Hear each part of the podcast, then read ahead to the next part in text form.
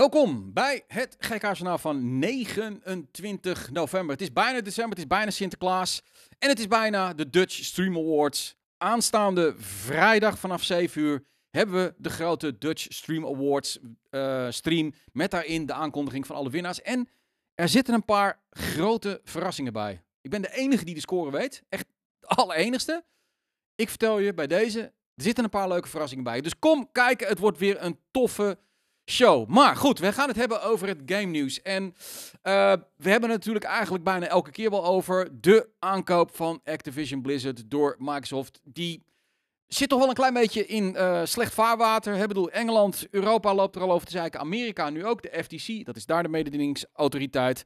En Microsoft voelt dat denk ik een beetje aankomen. Die voelt aankomen van, ik sta wel in mijn recht, denken zij.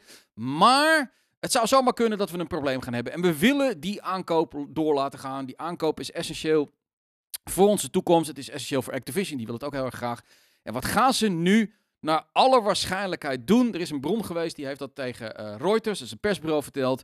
Microsoft gaat nu echt officieel uh, aan deze mededingingsautoriteiten mededelen dat zij een deal van 10 jaar aangaande de games van Activision Blizzard wil voorleggen aan PlayStation. Of eigenlijk, ja, het, is wel heel erg Xbox tegen PlayStation, maar het gaat natuurlijk om de hele industrie. Oftewel, er komt een deal dan uh, dat Call of Duty de komende 10 jaar nog gewoon, zoals nu het geval is, verkrijgbaar is op Um, ook op de PlayStation. Ik vraag me ook af of Microsoft daarbij zal zeggen uh, dat Call of Duty dan ook een Game Pass game gaat worden. Of dat ze daar dan misschien ook van afzien. Ik weet het niet.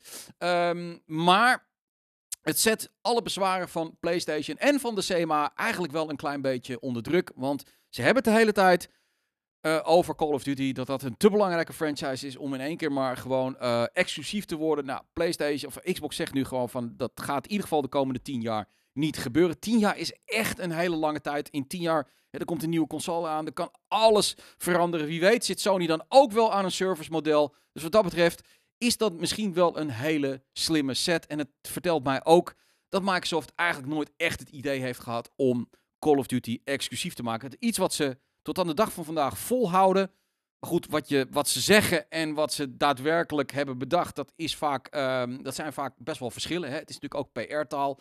Maar ik denk inderdaad, Call of Duty is te groot om in één keer naar één platform te trekken. Dan ga je ontzettend veel geld mislopen. Ben benieuwd hoe PlayStation hierop gaat reageren. Um, dan gaan we naar een gerucht. Dit is echt een gerucht.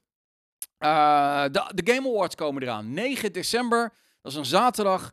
En dan moet je wel eventjes opblijven, want het is, als het goed is, ja, half twee s'nachts, Central European Time, dat je de Game Awards kunt gaan zien. Dat zijn natuurlijk de uitreikingen voor de beste awards, uh, voor de beste games van 2022. Nou, eigenlijk de awardshow, die zit natuurlijk altijd bij ons, bij de eindejaarslijstjes. Maar goed, deze is ook erg leuk. Maar wat maakt het wel leuk, is vaak dat er ook trailers en aankondigingen gedaan van games die we misschien al wel kennen, maar waar we nog niet zoveel van gezien hebben.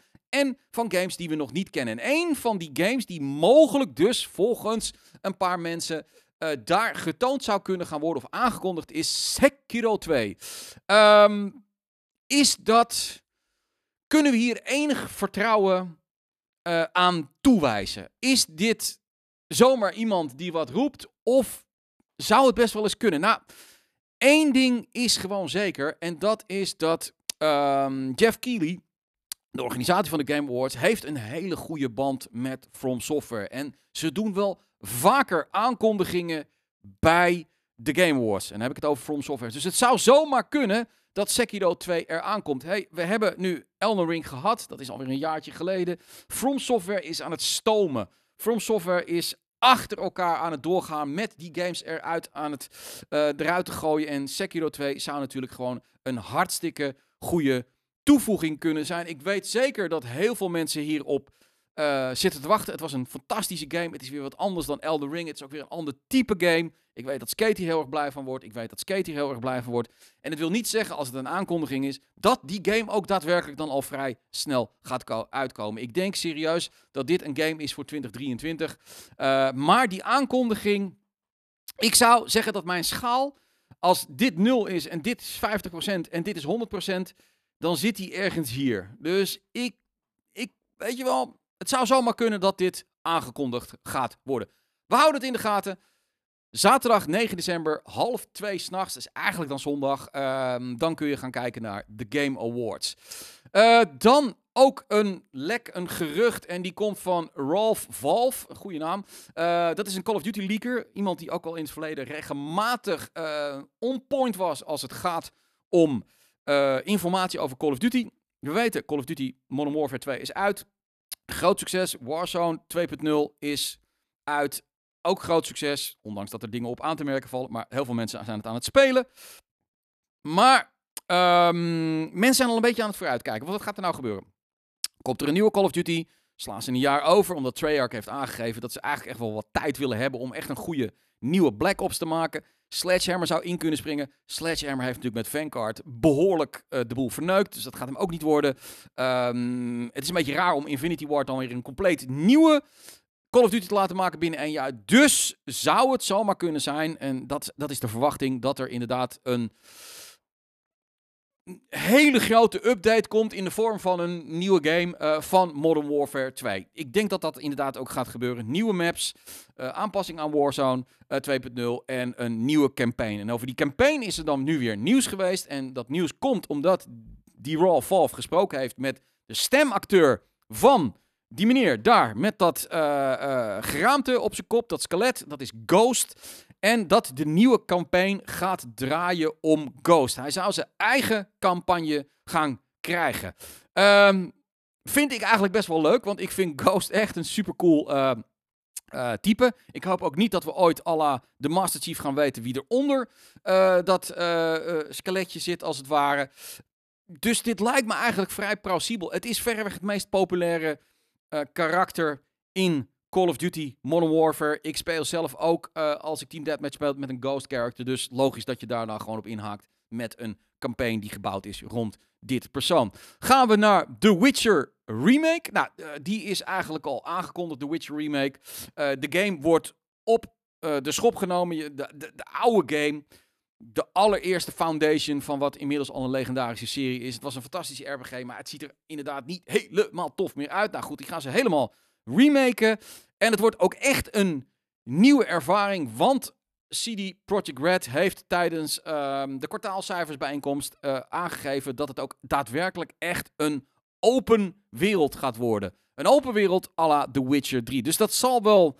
Um, ja, ze hebben ook aangegeven, we gaan echt nog wel een tijd bezig zijn met deze game. Want als het een open wereld is, dan moeten de dingen allemaal gaan veranderen. Dat snap ik.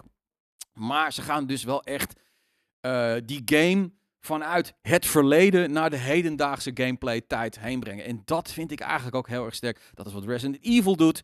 dat zijn niet, niet gewoon zeg maar, oké, dit is de game zoals die was in, weet ik veel, 2002. En uh, nou oké, dan gooien we er even wat nieuwe layers overheen. Kijk, we hebben een nieuwe game. Want je hebt dan gewoon geen nieuwe game. Je hebt gewoon een ouderwetse gameplay met een nieuw laagje verf eroverheen. Je wil die gameplay gewoon naar deze tijd gaan brengen, omdat je anders gaat vergelijken. En dan, heb, dan, dan valt het altijd tegen. Dan is eigenlijk de ervaring van de allereerste keer Resident Evil spelen... is dan leuker als de ervaring van, zeg maar, een ouderwetse Resident Evil met de oude gameplay Vandaar dat Capcom ook uh, fantastisch gewoon die gameplay helemaal update naar het heden. En dat gaan ze dus gelukkig ook doen met The Witcher Remake. Open wereld, zodat het gewoon voelt als een game anno 20, whenever het eh, gaat uitkomen. In ieder geval, Allereerst ga ik op 14 december beginnen met The Witcher 3 uh, eh, update. De, de, de next gen update heb ik ook heel veel zin in. Goed, uh, tot slot gaan we uh, naar mijn grote vriend Dr. Disrespect. Ik blijf het een grappige kerel vinden. Heel af en toe check ik het nog wel eens een keer op YouTube. Maar de komende week gaat dat niet lukken, want en, ehm, Dr. Disrespect is geband van uh, van YouTube. Hij, hij is er gewoon afgeflikkerd. Um, en waarom? En ik moet dat dan wel heel eerlijk toegeven. Ik zit af en toe naar hem te kijken wat hij heel erg doet. Uh, je kunt nu uh, wat langer met jouw tegenstander praten. Als je op een gegeven moment uh, een bepaalde speler achtervolgt, dan maakt dat connectie en kun je elkaar horen over de chat. En hij heeft wel een hele hoop disrespect naar die spelers toe. Uh, dat is inmiddels nu dus toxic bevonden. En dus heeft hij een ban van volgens mij zeven dagen. Nou goed, kan hij een weekje op vakantie. Uh, hij zal het niet gaan voelen, want de man heeft geld genoeg.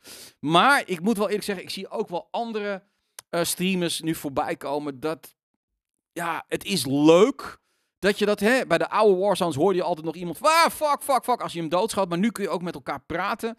En dat levert niet altijd de meest um, bloemrijke woorden op. Het is vaak vrij toxic. En het zou me niks verbazen op een gegeven moment dat Activision besluit om dit dan toch maar dicht te gooien. Omdat um, het gescheld is soms echt niet van deze wereld. Goed, um, aanstaande vrijdag dus hebben we vanaf 7 uur de Dutch Stream Awards uitreiking. Natuurlijk bij ons bij Twitch.